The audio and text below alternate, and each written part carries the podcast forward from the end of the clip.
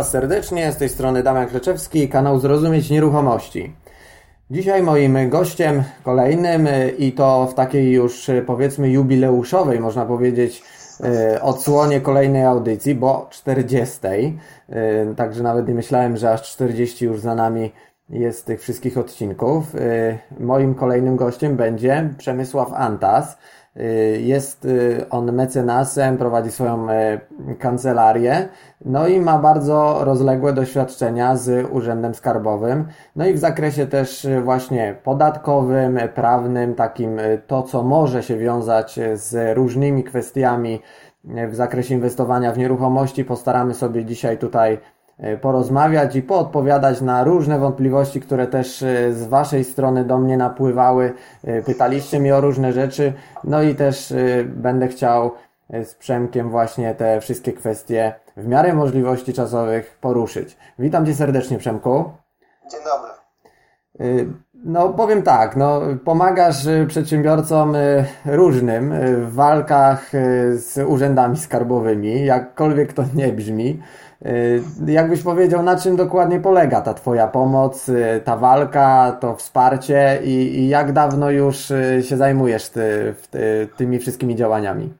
E, no, ja podatkami zajmowałem się jeszcze no, w czasie studiów tak naprawdę, bo sprawniczych, bo, bo wtedy, wtedy, już, wtedy już też pierwsza publikacja się pojawiła e, tam mojego, mojego współautorstwa na ten temat byłem też członkiem takiego koła naukowego, które się tym, tym, tym zajmowało. To już było dobrych, dobrych parę lat temu. E, no i przez, przez cały, cały okres e, mojej działalności zawodowej, no to już jest prawie 8 lat, e, tymi, tymi podatkami się zajmuję. W jaki sposób pomagam przedsiębiorcom? No, pomagam im głównie sporach z fiskusem, czyli reprezentuję ich e, przed organami podatkowymi, przed sądami administracyjnymi, ale też pomagam im e, zabezpieczyć się na wypadek takiego sporu, e, czyli dostarczyć im argumentów lub po prostu tak zorganizować działalność gospodarczą, żeby do tego sporu z urzędem nie doszło. No to jakby tutaj powiedzmy proces y, wiemy jak wygląda. Teraz y, przejdźmy może do jakichś takich konkretnych y, kwestii, bo wiemy, że przepisy podatkowe w Polsce są bardzo nieprecyzyjnie skonstruowane. One też się ciągle zmieniają i też wielu inwestorów boi się po prostu wykonywać jakieś ruchy, żeby no, nie być uznanym za winnego bądź nie podejmować jakiegoś ryzyka. Y, no i właśnie jakbyś mógł tutaj mm, powiedzieć y, ze swojego doświadczenia, czego, z czego biorą się takie luki, y, ta ogólność przepisów, ich niejasność, takie wzajemne podważanie się urzędów w różnych interpretacjach, no bo to często sprawia jakiś problem, nawet w tej samej sprawie. Dotyka każdego przedsiębiorcę i nie tylko przedsiębiorcę w Polsce. Te przepisy są faktycznie skomplikowane, ale to nie jest jakaś polska domena. Na przykład u naszego zachodniego sąsiada również y, prawo podatkowe jest bardzo skomplikowane i y, urzędy celne czy urzędy skarbowe też potrafią działać bardzo agresywnie. Akurat wydaje mi się, że pod względem skomplikowania przepisów podatkowych Polska jakoś bardzo nie odbiega od krajów Europy Zachodniej. Natomiast to, co nas e, faktycznie e, tutaj wyróżnia, to jest e, brak, brak, brak stabilności. Te przepisy faktycznie cały czas się zmieniają. No, w Niemczech są też skomplikowane przepisy, ale one na przykład nie zmieniają się od tam 15 czy 20 lat. Dlatego wszyscy, czy, dlatego jest ugruntowana praktyka i wszyscy, wszyscy wiedzą, jak je interpretować i, i jak je stosować. No niestety w Polsce cały czas praktycznie co roku doznajemy tutaj jakiejś terapii szokowej. Te przepisy potrafią się naprawdę radykalnie zmienić. Zmienia się też praktyka stosowania tych przepisów dosyć gwałtownie. Natomiast z drugiej strony to nie jest też tak, że, że przedsiębiorcy podatnicy ogólnie są pozbawieni mm, instrumentów do zarządzania tym ryzykiem podatkowym. Tutaj takim najlepszym z tych instrumentów na ten moment to jest instytucja indywidualnej interpretacji podatkowej, która pozwala zabezpieczyć podatnika przed przed zmianą przepisów czy zmianą ich, e, czy zmianą ich interpretacji mm, w przyszłości. Więc e, z czego to się bierze, ta, ta, ten brak, brak stabilności i poziom skomplikowania? No, tutaj można wiele przyczyn wymienić, natomiast e, my, myślę, myślę, że wynika to z braku może pewnej refleksji na temat, na temat tego, jak system podatkowy w Polsce powinien wyglądać łatania ad hoc poszczególnych luk, a też no, samej konstrukcji tych podatków. Podatek dochodowy zawsze będzie podatkiem skomplikowanym. E, zawsze co roku będzie coraz bardziej skomplikowany, bo będą e, wymyślane nowe przepisy do, do uszczelniania tego podatku. I tak długo jak ten podatek będzie obowiązywał, tak długo poziom komplikacji przepisów e, będzie się zwiększał. To jest, to jest, to jest kwestia pewnej wizji, tego, jak system podatkowy mm, ma wyglądać, jakie podatki mają być w tym systemie. E, no, jeżeli chcemy mieć podatek dochodowy na przykład, no to musimy się liczyć z tym, że, że, że, że, że, że, że będzie ten system skomplikowany, bo, bo taka jest natura podatku dochodowego. No a jeszcze, wiesz co, chciałem się zapytać odnośnie tych indywidualnych y, interpretacji, bo y, jest coś takiego, że jedna izba skarbowa wyda y, jakąś tam y, tą właśnie interpretację na korzyść podatnika, zgodzi się z jego zdaniem, a inna nie. I nawet jeżeli chodzi o tą samą sprawę, i teraz w przypadku takim, kiedy na przykład podatnik y, wyśle taki wniosek y, o interpretację i dostanie negatywną odpowiedź, a żeby mógł działać dalej, uderzy z tym samym do innej izby. Y, czy to w ogóle jest możliwe i czy w ogóle taki zakres czynności jest tutaj dopuszczalny? Znaczy, uderzenie do innej, znaczy do innej izby jest oczywiście możliwe. Można się pytać kilka razy o, o, o daną sprawę. Można, wniosek o interpretację można złożyć kilka razy pytając się tak naprawdę o to samo. Jakiejś takiej powagi rzeczy osądzonej, jak w przypadku decyzji administracyjnych czy wyroków sądowych. Natomiast to jest kwestia zmiany siedziby po prostu podatnika, yy, tak żeby on do którejś z tych izb mógł się, no żeby podpadał pod właściwość miejscową danej izby. Natomiast no, jeżeli, się, jeżeli się uzyska negatywną interpretację, E, no zawsze można też się od niej odwołać. E, można ją zaskarżyć do sądu administracyjnego. Tutaj wpis sądowy jest relatywnie niewielki, bo to jest tylko 200 zł. No i ewentualnie bić się dalej o, o, o to, żeby ta interpretacja podatkowa była korzystna, więc możliwości odwoławcze tutaj są.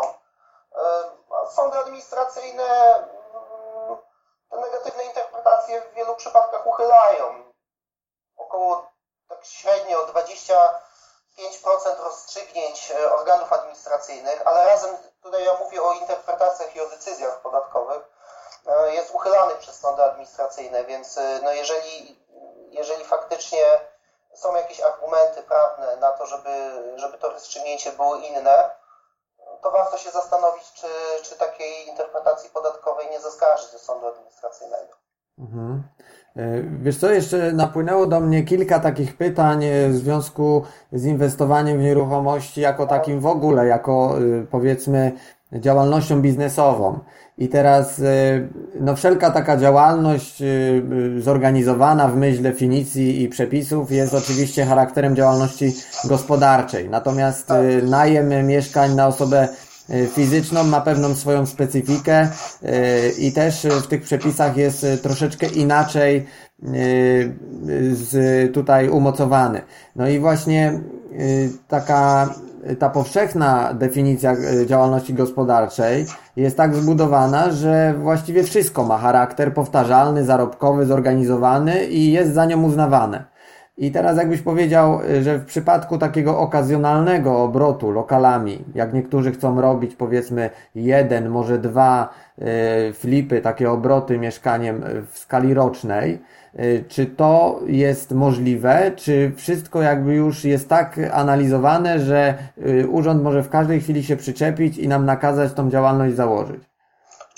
Znaczy urząd, urząd działalności, działalności założyć nie może nam nakazać, tak? On może stwierdzić, że prowadzimy tą działalność gospodarczą. Działalność gospodarcza to jest prowadzenie działalności gospodarczej, to jest fakt obiektywny. Tutaj tego się e, to, to, to, tutaj nie, urząd nie będzie niczego nam nakazywać, zakładać. Tak? On po prostu będzie analizować, czy mamy do czynienia z działalnością gospodarczą, czy nie mamy do czynienia z działalnością gospodarczą, posiłkując się tymi kryteriami, o których mówiłeś, czy to jest, czy to jest działalność powtarzalna, zarobkowa, zorganizowana.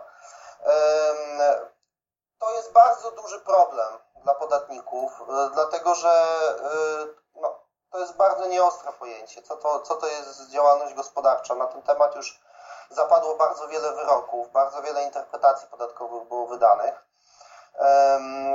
I tak naprawdę jest to jest temat, czy, czy, czy pewne zagadnienie, o które moim zdaniem zawsze warto się zapytać we wniosku o interpretację indywidualną.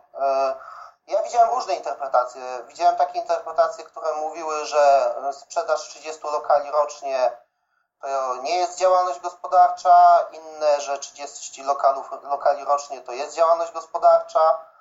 Więc y, tutaj tak naprawdę ta liczba lokali ma moim zdaniem drugorzędne znaczenie. Najbardziej, najbardziej istotne jest, jest, tak jak analizuję te wyroki, y, ten poziom zorganizowania tego, tego wszystkiego. Dlatego, że y,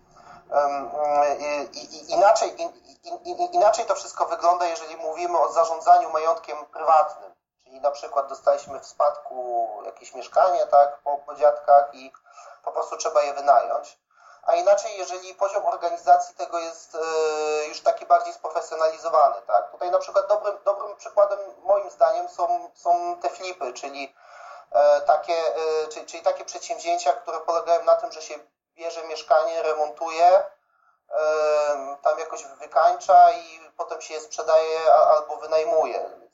W takich przypadkach, z tego co ja obserwuję, to często jest to no, bardzo wysoko zorganizowana działalność. Trzeba tutaj, szczególnie przy dużej liczbie mieszkań, trzeba zorganizować ekipy remontowe, e, trzeba jakoś wypromować na przykład wynajem czy sprzedaż, sprzedaż tych mieszkań i, i, i to nabiera takiego już bardziej charakteru profesjonalnego. Więc ja na to pytanie nie jestem w stanie odpowiedzieć jakoś tak abstrakcyjnie, żeby podać tutaj jakieś takie e, złote kryteria, które by to jednoznacznie rozstrzygały. O to zawsze się trzeba zapytać e, w, e, we wniosku o wydanie interpretacji indywidualnej. Ja mogę co najwyżej dostarczyć jakichś argumentów na to, że no, na przykład nie jest to działalność gospodarcza w tym konkretnym przypadku. A powiedz mi w takim razie, jeżeli urząd już stwierdziłby, że dana, y, dany charakter działań ma właśnie znamiona działalności gospodarczej, to jeżeli taka decyzja do nas przychodzi, to co wówczas możemy zrobić y, i, i jak tutaj y, odwołać się, bądź jaki krok podjąć, jeżeli ktoś by był w takiej sytuacji? Jasne. E, w ciągu, w ciągu jeżeli Urząd Skarbowy wydaje decyzję e, określającą nam zobowiązanie podatkowe, właśnie tutaj posiłkując się mm, stwierdzeniem, że działalność gospodarcza jednak była prowadzona. No to możemy oczywiście odwołać się w ciągu 14 dni od doręczenia tej decyzji do dyrektora Izby Skarbowej. E, tam oczywiście od marca przyszłego roku następuje zmiana, bo wchodzi w życie Krajowa Administracja Skarbowa, ale, ten system jakby odwoławczy pozostaje, pozostaje analogiczny. E, odwołujemy się do Izby Skarbowej, e, wnosimy odwołanie. W odwołaniu wskazujemy, możemy wskazać na przykład środki dowodowe, które, które naszym, czy dowody, które naszym zdaniem potwierdzają, że nie była to działalność gospodarcza. Możemy też kwestionować ocenę dowodów, które już do tej pory zebrał, mm, zebrał organ podatkowy, po prostu polemizując z tymi, z tymi stwierdzeniami, powołując się też na orzecznictwo sądowe. E, taka droga jest jakby e, odwoławcza otwarta i ona jest dosyć jakby daleko idąca, bo nawet jeżeli Izba Skarbowa nam podtrzyma tą decyzję e, Urzędu Skarbowego, no to jeszcze mamy drogę sądowo-administracyjną. Możemy wnieść w ciągu 30 dni skargę do sądu administracyjnego, e, do Wojewódzkiego Sądu Administracyjnego, potem w razie negatywnego wyroku możemy wnieść skargę kasacyjną do, do Naczelnego Sądu Administracyjnego. Problem jest taki, że podatek trzeba już zapłacić na etapie rozstrzygnięcia Izby Skarbowej. Więc nawet jeżeli się skarżymy do sądu administracyjnego, już musimy, mm, już musimy y, y, zapłacić podatek, a jeszcze wnosząc skargę do sądu administracyjnego, musimy też zapłacić wpis stosunkowy, czyli pewien procent od tej wartości, y, mówiąc tak kolokwialnie, domiaru mm, wykonanego przez Urząd Skarbowy. Dlatego lepiej wcześniej, przed rozpoczęciem jakiegoś procesu inwestycyjnego, zapytać się tą interpretacją, dokładnie opisać stan faktyczny, który mamy w sprawie, i, i złożyć wniosek o wydanie interpretacji indywidualnej. To jest, to jest mniej ryzykowne, tańsze i pod, pod wieloma względami szybsze niż potem odwoływanie się i toczenie sporu z fiskusem. E, a poza skarbówką mamy jeszcze ZUS, jeżeli się odnosimy do działalności gospodarczej. Jak te instytucje ze sobą się komunikują, bądź e, w jaki sposób ta decyzja skarbówki, jeżeli by to była ta działalność już orzeknięta, Y, ma dalszą konsekwencję w ZUS-ie i, i tutaj jak ZUS do tego podchodzi? Znaczy, znaczy, do, niedawna, do niedawna środki komunikacji między urzędami skarbowymi a ZUS-em były bardzo e, no, nie były jakoś uregulowane i praktycznie, praktycznie ZUS się z urzędami skarbowymi i urzędy skarbowe z ZUS-em nie kontaktowały w tych sprawach. Tak? Natomiast od niedawna weszła, weszła nowelizacja w prawie, która no, ustanawia pewne, pewne re, reguły wzajemnego porozumiewania się między ZUS-em a Urzędem Skarbowym. Więc jeżeli Urząd Skarbowy stwierdzi, że mamy do czynienia z działalnością gospodarczą, no to może o tym powiadomić ZUS.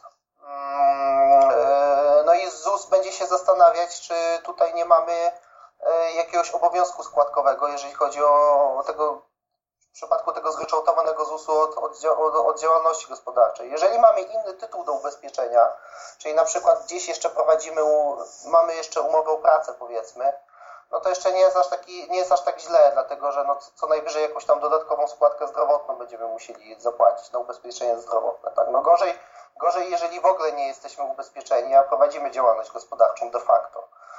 No ZUS może nas poprosić o zapłatę zaległych składek z tytułu prowadzenia działalności gospodarczej. No a w jaki sposób to może być wyliczane, jeżeli chodzi o okres wstecz? Czy to będzie na przykład... To jest, to jest, to, to jest, wyliczane, to jest wyliczane relatywnie łatwo, dlatego że ZUS w przypadku osób prowadzących działalność gospodarczą ma charakter zryczałtowany. Czyli płaci się po prostu jedną stałą kwotę. E, w oparciu o ustalenia z Urzędu Skarbowego, no, Urząd Skarbowy na przykład może e, Urząd Skarbowy może skontrolować, czy mo, może, mo, może wydać decyzję na przykład dotyczącą jakiegoś roku czy okresu, na przykład, no nie wiem, sprzed, sprzed dwóch, trzech lat.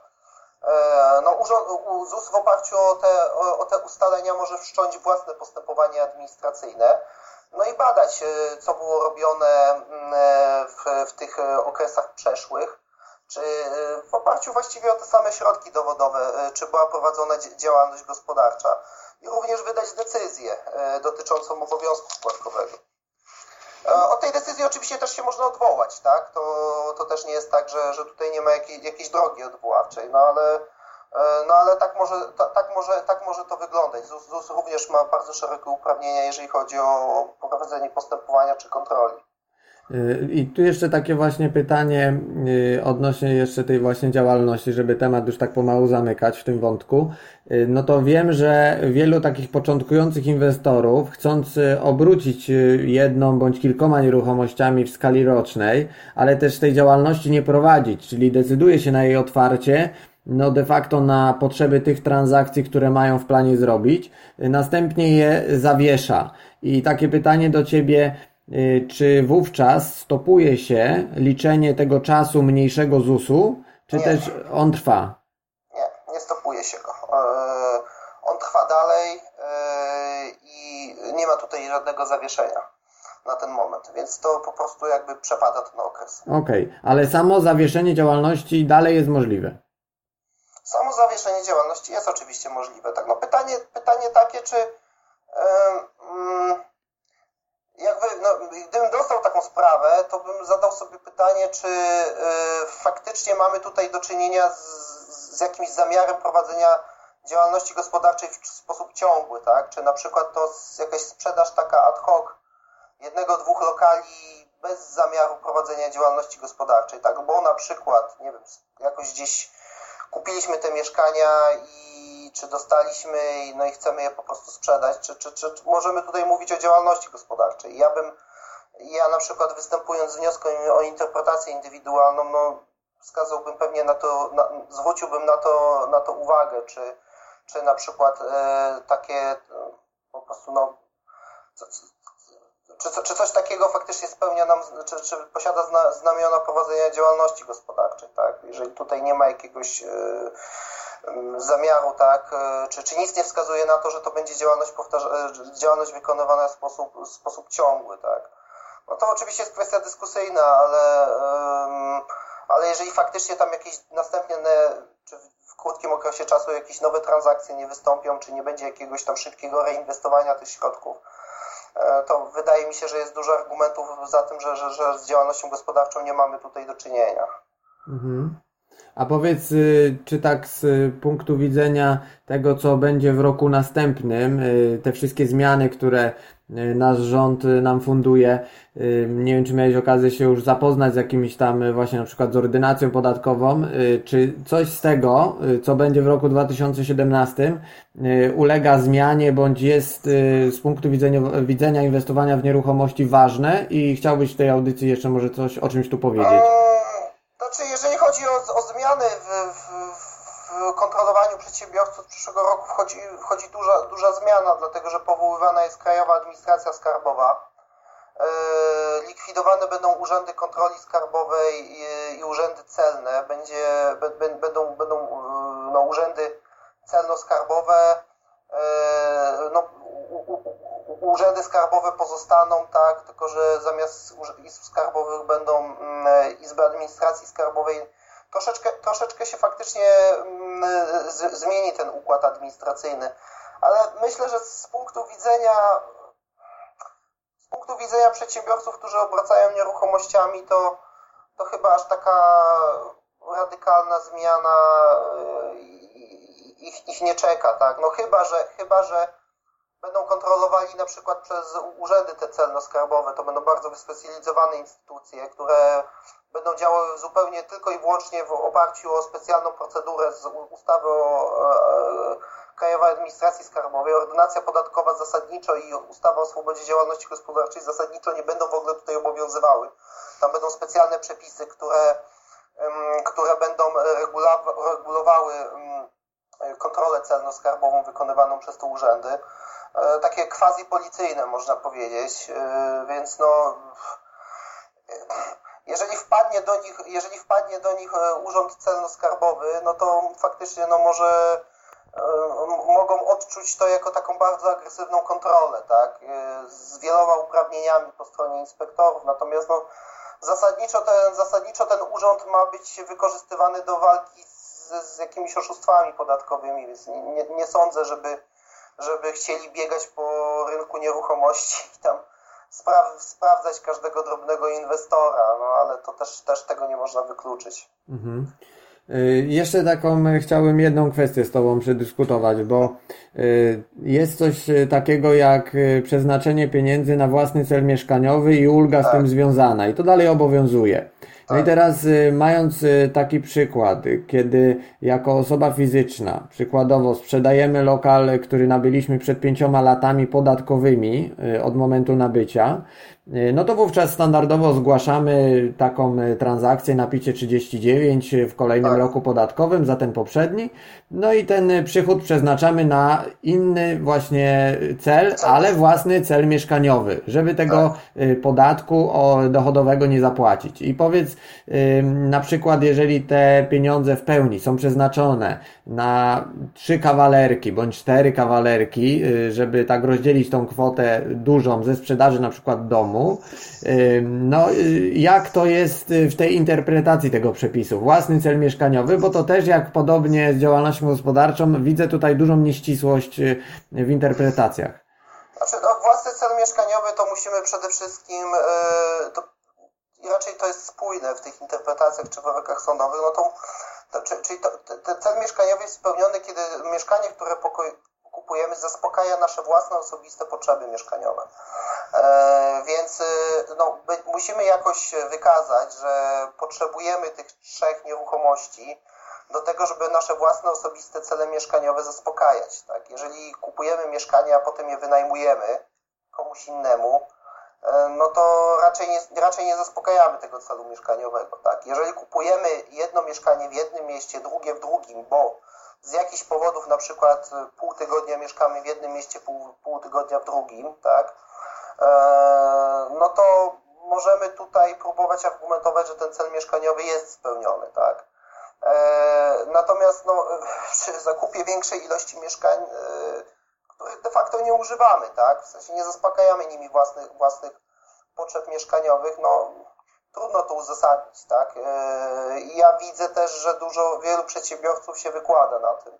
Kupując na przykład, no ja spotkałem na przykład takiego człowieka, który kupował po 10 mieszkań rocznie, tak? E, uzasadniając to własnym celem mieszkaniowym, tak? No oczywiście to się skończyło e, no fatalnie, tak? Dla niego, bo ktoś tam na niego doniósł Przyszedł do, niego, przyszedł, przyszedł do niego urząd skarbowy i oczywiście stwierdził, że tutaj o żadnym celu mieszkaniowym nie mogło być mowy, tak. No więc y, widzimy, jaka jest sytuacja w przypadku tego właśnie zwolnienia, żeby na to uważać. E, tak, na to trzeba bardzo tak. uważać. To jest y, na ten, w ogóle na, ten, na temat tego zwolnienia to jakiś dużo mitów krąży. E, I tak zauważyłem, że jest to po prostu nadużywane. No, jest bardzo prosta sytuacja. To, to, mieszkanie, które kupujemy, musi zaspokajać nasze własne osobiste potrzeby mieszkaniowe. I, i koniec.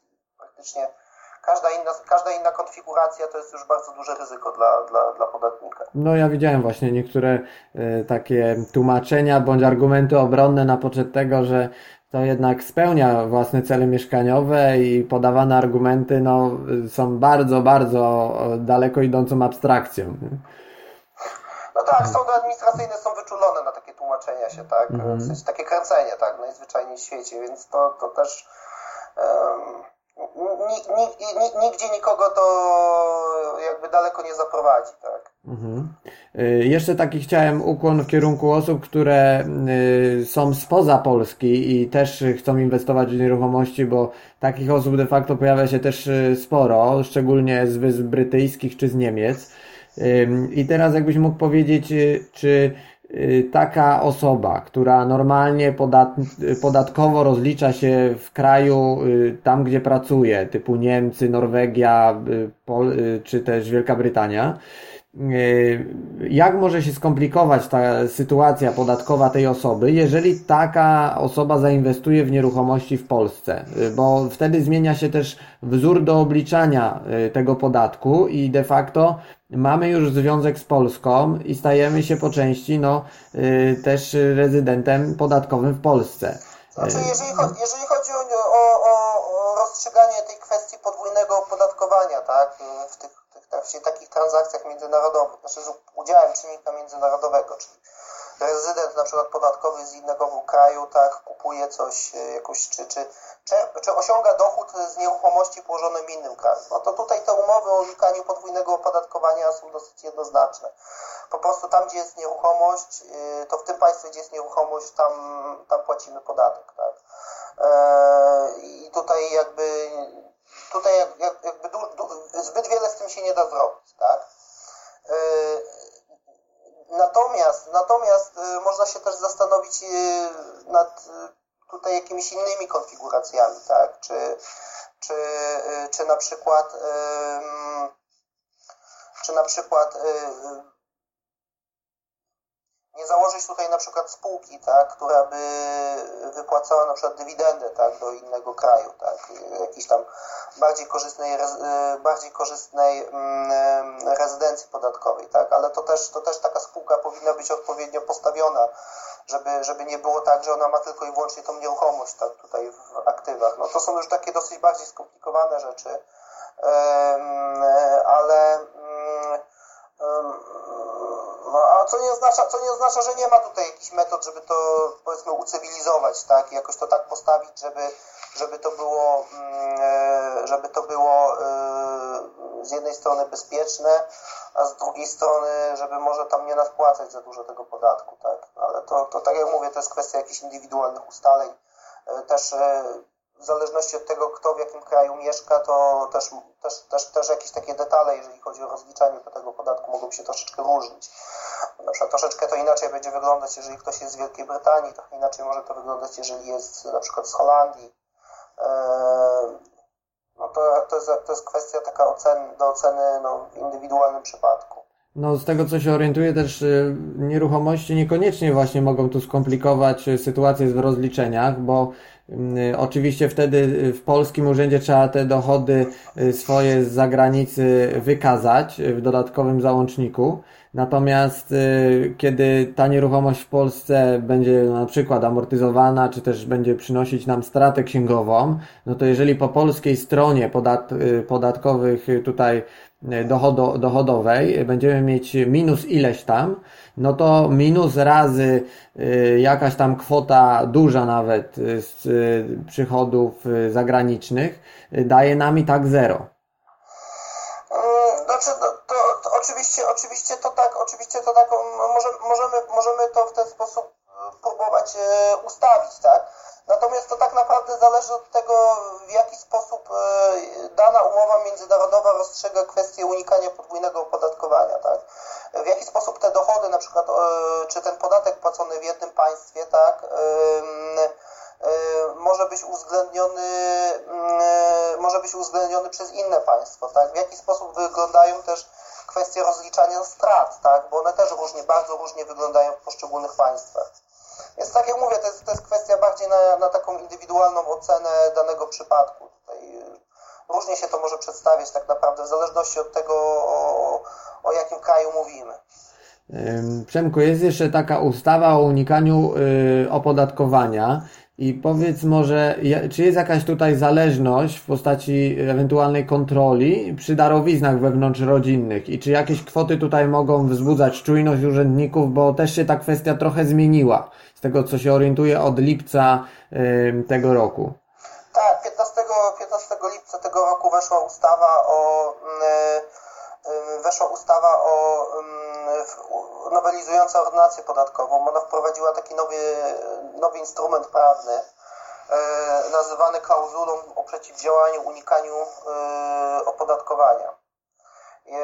I tak tutaj oczywiście można bardzo dużo na ten temat mówić, natomiast ona w takim bardzo dużym skrócie polega na tym, że jeżeli Urząd Skarbowy zobaczy jakąś sztuczną strukturę albo jakąś totalnie sztuczną transakcję, tak, która nie ma uzasadnienia biznesowego, a na przykład, a na przykład y, jest y, tylko po to przeprowadzona, żeby y, dokonać redukcji obciążeń podatkowych, no to ona, no to, to, to mogą jakby yy, mogą jakby pominąć te, te, te pozytywne skutki tej, tej struktury i opodatkować transakcje tak, jakby ona mm, miała normalnie wyglądać, no, dokonując czynności po prostu bardziej właściwej. Taki przykład z darowiznami, bo jeżeli już o tym wspomniałeś, to może o tym też trochę powiem, bo też było, było trochę zamieszania w tym zakresie. E, no jeżeli chcemy, jeżeli chcemy, jeżeli chcemy, no, mamy na przykład małżeństwo, tak? E, I mm, nie wiem, teściowie chcą podarować coś e, tutaj powiedzmy mężowi córki, tak? No to zamiast, zamiast bezpośrednio, prawda, tutaj mu coś dar, darowywać czy sprzedawać, no to najpierw to robią względem córki, a potem córka darowuje to mężowi, tak? E, no bo to po prostu wchodzimy w te zwolnienia z, ustawy o podatku od spadków i darowizn i to jest bardziej korzystne niż jakieś bezpośrednie transakcje pomiędzy osobami, które no, nie, nie są ze sobą spokrewnione, tak? E, no i jeżeli urząd chciałby zastosować tą klauzulę, no to on po prostu powinien tą transakcję pomiędzy tutaj rodzicami i małżonkami i, i, i, popatrzy się na skutki podatkowe tak, jak ona bez, bez, bezpośrednio by nastąpiła pomiędzy tutaj udzielającym tej darowizny, a jej rzeczywistym beneficjentem, tak? I była nawet taka mała afera, bo gdzieś tam urząd, urząd, urząd jeden z, jeden z jeden z organów wydających interpretacje indywidualne stwierdził, że, że, że, taka sytuacja może być właśnie unikaniem opodatkowania i w ogóle odmówił wydania interpretacji indywidualnej, bo może to zrobić, jeżeli nabierze podejrzeń co do właśnie takiego charakteru transakcji. No i dużo się o tym w prasie, w prasie pisało. No, nie, nie, powiem tak, no, nie wydaje mi się, żeby to był aż taki duży problem w przypadku darowizn, tak? Tym bardziej, że, że klauzula o unikaniu podwójnego, o, klauzula o unikaniu, przeciwdziałaniu unikaniu yy, opodatkowania ma zastosowanie do sytuacji, w której korzyść podatkowa jest, yy, wynosi co najmniej 100 tysięcy złotych. E, więc przy takich małych, powiedzmy, darowiznach to, to nie powinno być, y, nie powinno być tutaj jakiegoś, y, ona w ogóle nie powinna mieć zastosowania, tak. Gorzej może być przy tak zwanych step-up, step-upach, które były na przykład y, bardzo popularnym sposobem wykorzystywania nieruchomości do dokonywania optymalizacji podatkowej. Czyli polegały one na tym, że mm, wnosiliśmy nieruchomość do innej spółki, e, aktualizowaliśmy jej wartość rynkową, tak, E, i wtedy sobie odpisy amortyzacyjne e, odliczaliśmy od przychodu. Bardzo popularny, bardzo popularny schemat optymalizacyjny, przynajmniej do niedawna.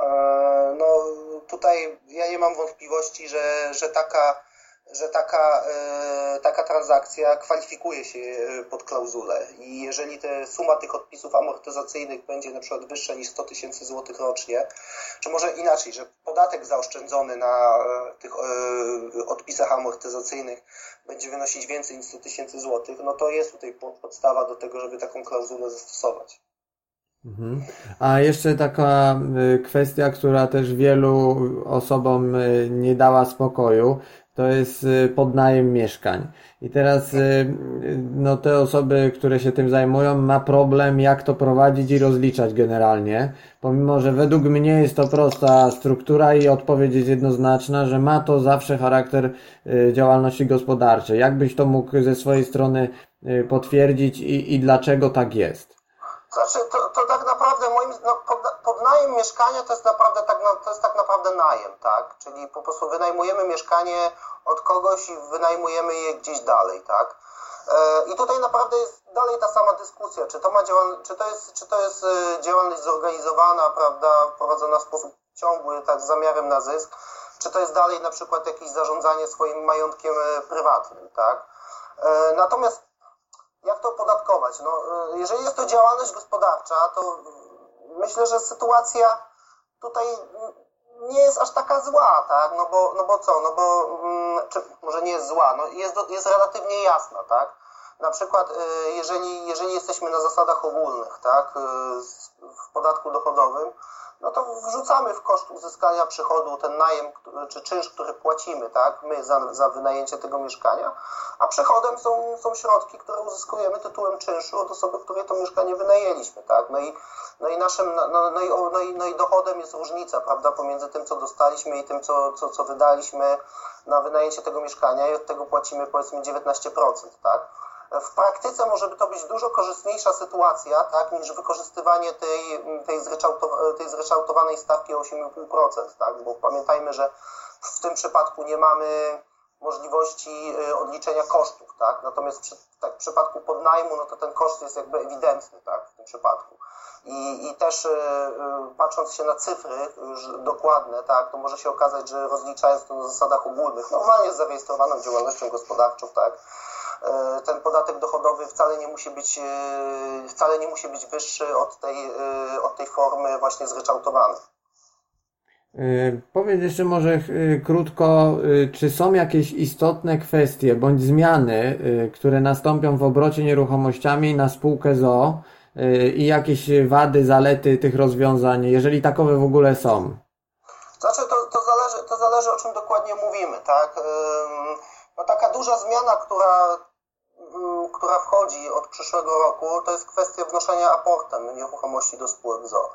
Zasada jest taka, że jeżeli wnosimy e, nieruchomość do spółki ZO, żeby spółka ZO mogła ją następnie obracać albo ją wykorzystywać tak do, do, do, do działalności tej gospodarczej, zasada jeszcze obecnie obowiązująca jest taka, że mm, jeżeli wnosimy aportem do spółki ZO nieruchomość, to naszym przychodem jest yy, tylko wartość nominalna udziałów, e, które dostajemy e, z tytułu wniesienia e, tej nieruchomości do spółki ZO. Czyli na przykład jeżeli mamy nieruchomość, jeżeli mamy na przykład nieruchomość o wartości miliona złotych, wnosimy tą nieruchomość do spółki ZO, ona nam, i teraz tak, 5 tysięcy złotych przeznaczamy na kapitał zakładowy, jest nam wyda, są nam wydawane udziały o wartości właśnie nominalnej 5 tysięcy złotych, a resztę wnosimy na kapitał zakładowy, zapasowy, to płacimy tylko od tych 5 tysięcy złotych, tak, podatek dochodowy.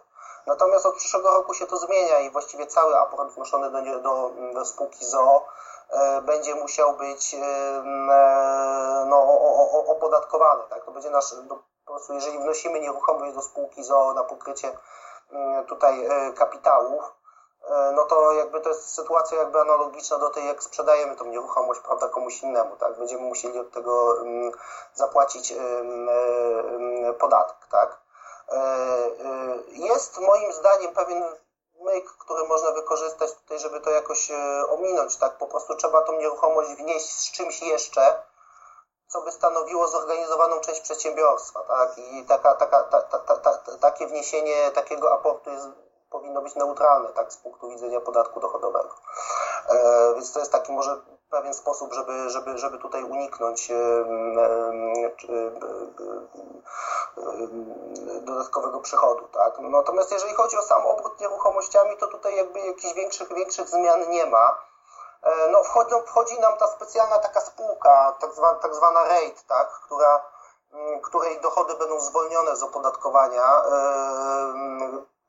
Nowy wehikuł inwestycyjny, który będzie można wykorzystywać do Mm, tutaj czerpania zysków z, z, z, z nieruchomości. I w założeniu, w założeniu zyski takiej spółki mają być zwolnione z podatku yy, dochodowego, natomiast jest, jest tutaj jest szereg wymogów, które taka spółka musi, musi jakby stwarzać. No, tam kapitał zakładowy to jest zdaje się 60 milionów złotych, 70% aktywów spółki to muszą stanowić nieruchomości, czy, no, i, no i taki sam, taki sam procent y, dochodów spółki, to one, to, to one muszą być alokowane po prostu do obrotu nieruchomościami. To takie, to takie dwie, dwie większe zmiany, które stricte dotyczą y, nieruchomości spółek ZOO. Y, Przemku, jakbyś jeszcze mógł coś powiedzieć na temat y, takiego narzędzia, czy też, nie wiem, instytucji, jak to nazwać, anonimowego donosu, bo to w Polsce jest też takie popularne, że jednemu się wiedzie, to drugi y, sąsiad mu pomoże, żeby się przestało wieść. I jak to faktycznie działa, jak y, taka, y, ten, to narzędzie w ogóle funkcjonuje y, w praktyce? Jasne, no, urzędy skarbowe dostają bardzo dużo tych donosów, urzędy skarbowe urzędy kontroli skarbowej. E, każdy donos jest analizowany. E, natomiast to też nie jest tak, że od razu urzędy skarbowe jakieś e, tutaj mm, podejmują czynności, tak, na podstawie każdego, każdego donosu. Tak naprawdę, jeżeli wpływa jakiś, do, no, no nie wiem, wpływa na przykład donos do urzędu skarbowego, że na przykład, że y, tutaj właściciel nieruchomości nie płaci podatku od, y, y, od wynajmowanej nieruchomości, tak? No to oni sprawdzają, tak? Czy, czy, czy, czy weryfikują to, że tak powiem, z zabiórka, tak? Czy, są, czy, czy, czy jest deklarowany podatek z tego tytułu, czy ten, czy ten człowiek jest właścicielem tej nieruchomości, tak? E, no i jeżeli faktycznie dochodzą do przekonania, że jest coś na rzeczy, no to wtedy, no to wtedy uruchamiają jakąś tutaj kontrolę, prawda? E, po stronie, e, po stronie takiego, takiej osoby, tak? Natomiast to jest zawsze z tego co wiem, to jest zawsze konfrontowane z jakimiś tam informacjami, które, mm, które urzędy skarbowe mają jeszcze w swoich zasobach. Po prostu jakby mieli chodzić za każdym donosem, to by nic innego nie robili, a są jeszcze inne tematy. No jasne, także no wiemy, że no nie wszystkim, e, że tak powiem, się będzie skarbówka zajmowała. No ważne jest też, że jeżeli ktoś ma jakąś pewnie historię wyrobioną, no to sobie może na własne życzenie sprowadzić e, kolejne kontrole i tak niektórzy wiem, że jedną za drugą mogą przechodzić. No to, to, jest, to jest też taki, znaczy czasami, czasami ludzie sami na siebie robią donosy, tak? No jeżeli na przykład ktoś ma nieuja, nie, dużo nieujaw, no nie ma nieujawnione dochody, tak? Yy, I nagle kupuje dużą nieruchomość, tak? Yy, z, yy, no to Urząd Skarbowy wie, że ta nieruchomość jest kupiona, tak? Wie o tym dlatego, że notariusz deklaruje podatek od czynności cywilno, cywilnoprawnych. E, no i wtedy oni sprawdzają, tak? Czy patrzą na wartość nieruchomości, tak? patrz, patrzą, patrzą na pity składane przez tą osobę, no i się zastanawiają, tak, skąd, skąd on to ma. Więc to czasami po prostu sami, same, sa, sami podatnicy się wystawiają, tak? Albo, nie, albo na przykład jak zaniżają wartość nieruchomości. No. Urzędy skarbowe bardzo dobrze wiedzą, ile nieruchomości, po ile nieruchomości chodzą, no bo spływają do nich e, informacje od notariuszy i no, no, no widzą, że na przykład działki gdzieś w jakiejś okolicy, po ile są sprzedawane, tak, za metr kwadratowy, a nagle jeżeli widzą, że wartość jest radykalnie zaniżona, no to też, te, te, te, też jakieś tam czerwone światło im się zapala. A powiedz, jeżeli już jesteśmy przy tym temacie uwiarygodnienia źródeł e, pochodzenia kapitału, czy też e, przy tym nielegalnym dochodzie nieujawnianym, to jakie mogą być za to sankcje? Na ile jest możliwa tutaj, powiedzmy, odbijanie piłeczki i, i czy na przykład taka sytuacja, kiedy no nie wiem, ktoś ma lat 50 i wiadomo, na przykład y, kupuje sobie jakąś tam nieruchomość nagle, a z pitów to nie wynika, że tyle zarabiał, ale na przykład gromadził oszczędności w skali wieloletniej i trzymał pieniądze w skarpecie. Czy takie y, tłumaczenia przechodzą w ogóle? Znaczy tak, no jeżeli, jeżeli faktycznie to, znaczy tak, sankcja jest dosyć dotkliwa, bo to jest 70%, tak, y, tam jest podatku od nieujawnionych przychodów, tak. Natomiast, e, natomiast no, urzędy e, urzędy skarbowe, znaczy no jest normalnie postępowanie dowodowe prowadzone, tak, więc jakby można, można się tutaj, jeżeli no, jakoś wybronić, tak, przed takim zarzutem, tak, jeżeli faktycznie się pokaże na przykład, e, no nie wiem, wykupione lokaty, czy jakieś instrumenty inwestycyjne, które, z których się korzystało, tak, i to ma faktycznie odzwierciedlenie gdzieś, gdzieś w majątku, tak, tej osoby, także są na to dowody, tak, że, że, że, że, po prostu ta osoba no, mia, mia, miała prawo mieć te pieniądze i one zostały, że tak powiem, e, ujawnione fiskusowi, e, no to no to jakby można, można to zgłosić i w trakcie postępowania dowodowego i, i się na to powoływać, tak, więc to um, pod, oczywiście pod warunkiem, że to co mamy jest faktycznie wiarygodne, tak, no bo jak powiemy, że powiemy, że mamy, no nie wiem, z pieniądze z obrotu na giełdzie, tak? A, a się okazuje, że te akcje zostały kupione za pieniądze na przykład pochodzące nie wiadomo skąd, tak? To, no to się niczym, niczym się jakby nie wytłumaczymy, tak? No to trzeba, trzeba, trzeba jakby pokazać, że, że, że, że, obiektywnie to, co było deklarowane do Urzędu Skarbowego, to fak, faktycznie te środki po jakimś tam oczywiście pomnożeniu, tak, czy, czy, czy, czy zainwestowaniu, no, był, by, by, było możliwe, żeby, żeby po prostu z nich y, coś tam sfinansować, tak. Y, Przemku, jeszcze takie właśnie pytanie odnośnie może przyszłości. Nie wiem, czy to najbliższej, czy, czy dalekiej. Chodzi o podatek katastralny, bo ten temat y, się przewija wielokrotnie w różnych tam debatach, y, nawet na poziomie rządowym. I czy ma możliwość wejścia w życie w najbliższych latach? Jakie są według Ciebie, no nie wiem, wyczucia tego tematu, czy też są już konkretne jakieś ustalenia i warto o tym powiedzieć?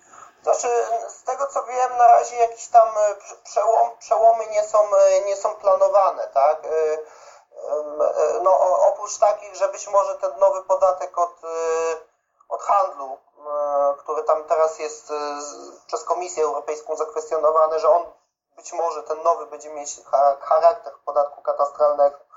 Natomiast co do powszechnego podatku katastralnego, tam na razie nikt, nikt z tego co wiem, jakichś tam działań nie, nie prowadzi w tym temacie, dlatego że no, to jest bardzo kontrowersyjny podatek i też chyba może rządzący się boją e, jakby wracać do tego, do, do tego tematu.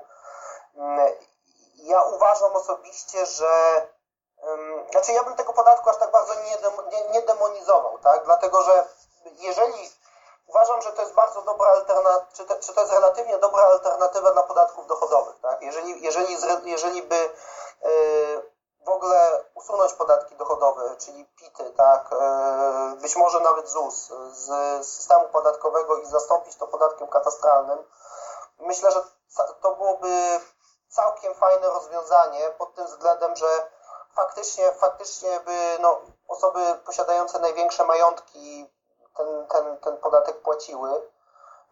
Dwa, że bardzo jest ciężko uciec z tym podatkiem. Praktycznie tutaj unikanie opodatkowania jest, no, jest bardzo utrudnione, w przeciwieństwie na przykład do podatku dochodowego.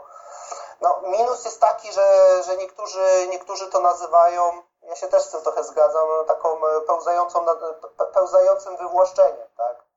No coś, coś, coś w tym jest, tak? Że jeżeli płacimy ten podatek, e, płacimy ten podatek e, od tego majątku, tak? A na przykład nie mamy innych źródeł dochodu, e, no to po pewnym czasie, że tak powiem, no ta, ta, ta, ta wartość tego zapłaconego podatku przenosi tą wartość tej, tej, tej nieruchomości. Natomiast no z tego co wiem, to, to na razie chyba nikt tego nie chce, nie chce ruszać.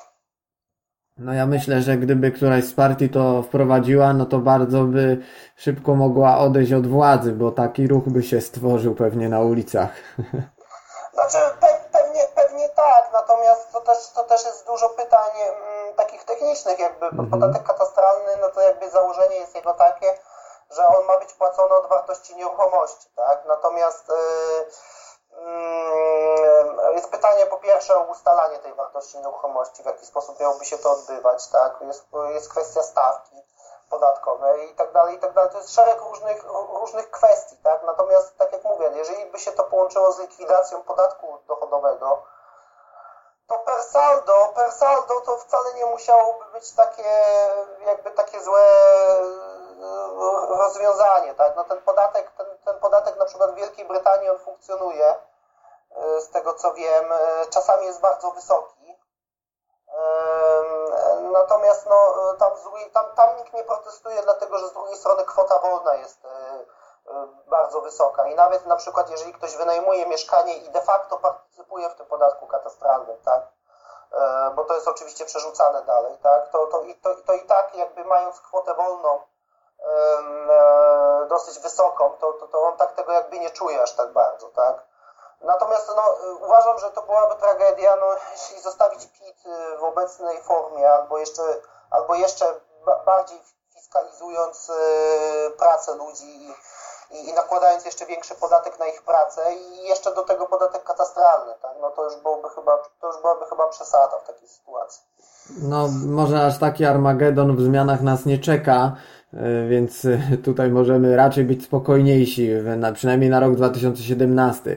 A powiedz, e, czy są jakieś takie, które zauważasz ze swojej praktyki takiej adwokackiej, prawnej, Y, takie powtarzające się działania w zakresie y, inwestowania w nieruchomości, które są złe, których się nie powinno robić, a regularnie się powtarzają i y, jakbyś mógł tutaj uwypuklić właśnie te działania, które inwestorzy często robią i nie powinni ich wykonywać, bo sami się narażają na jakieś tam sankcje skarbowe. Znaczy, no takich, takich, znaczy jest dużo takiego działania, mówiąc kolokwialnie, na rympał, tak? Czyli ludzie E, na przykład obracają dużą ilością nieruchomości, udają, że to jest zarządzanie majątkiem prywatnym, tak, de facto.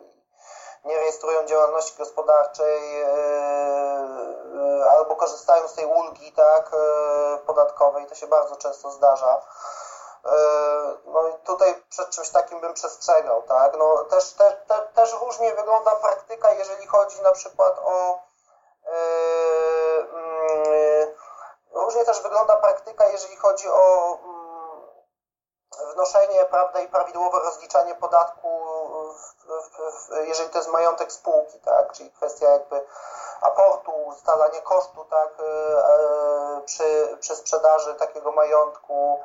E, jest, zauważam też dużo kwestii związanych z VAT-em, na przykład, że mają przedsiębiorcy problemy z ustaleniem, czy dana nieruchomość jest przeznaczona na cele budowlane, czy nie, albo udają, że nie jest przeznaczona na cele budowlane, podczas gdy jest i trzeba to owatować, trzeba rozważyć tego owatowania takiej transakcji.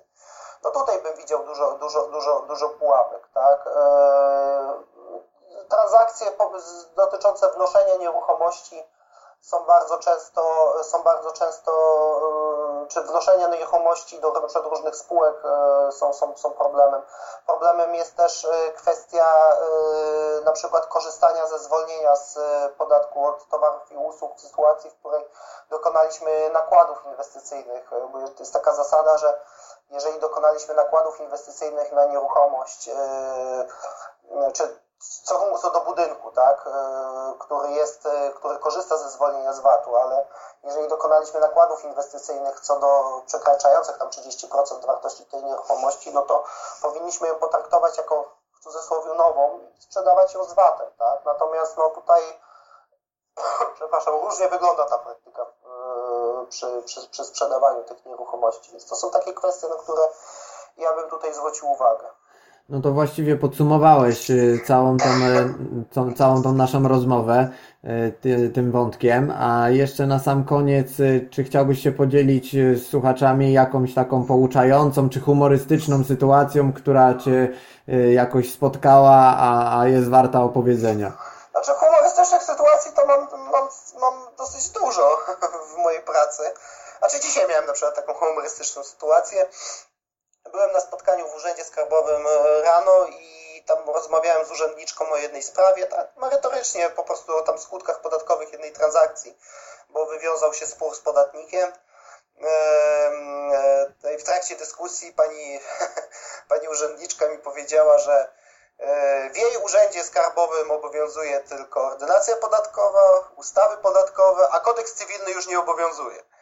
Natomiast bardzo mnie to rozbawiło i Pociągając ten wątek, zapytałem się jej, czy przepisy o naruszeniu nietykalności cielesnej z kodeksu karnego też nie obowiązują w jej urzędzie.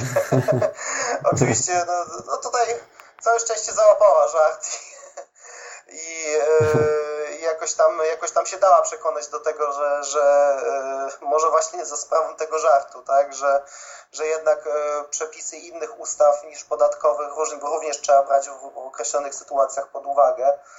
E, no dużo humorystycznych sytuacji jest na przyczynnościach dowodowych. Miałem kiedyś taką sytuację, że e, takiego, takiego klienta, to, był taki, to była taka duża fabryka, e, no zasada jest taka, że nie można amortyzować budynków, jeżeli one nie są oddane do, do używania.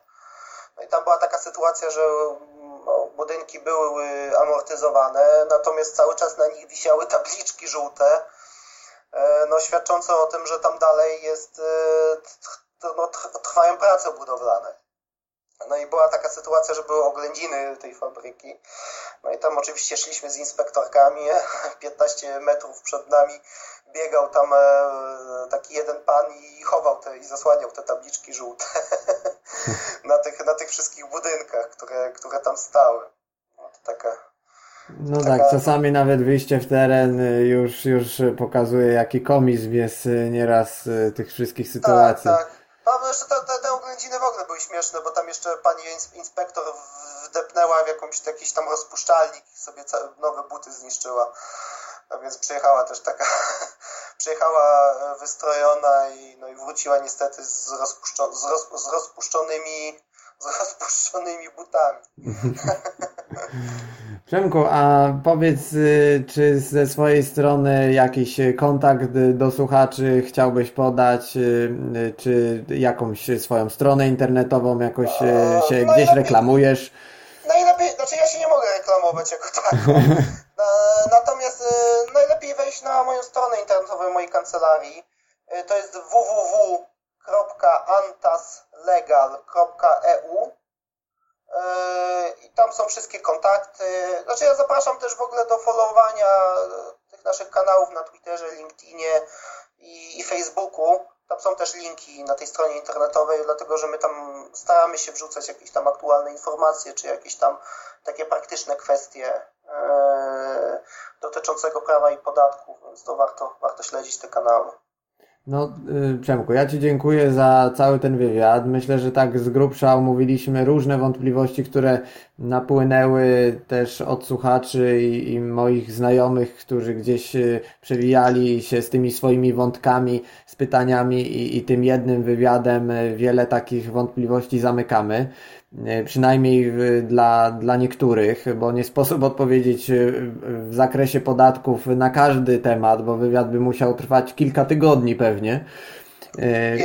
A, a nikt z nas tyle siły by pewnie nie miał, żeby to kontynuować. Także y, ja Ci dziękuję za poświęcony czas, y, a dla Was y, myślę, że ta garść informacji będzie bardzo praktyczna, przydatna i pozwoli zaoszczędzić wielu różnych ryzyk, które mogą się wiązać z jakimiś ruchami, które byście chcieli zrobić, a baliście się w coś zaangażować, to teraz może któraś z tych odpowiedzi ze strony mecenasa Przemka Wam pomoże w podjęciu odpowiedniej decyzji.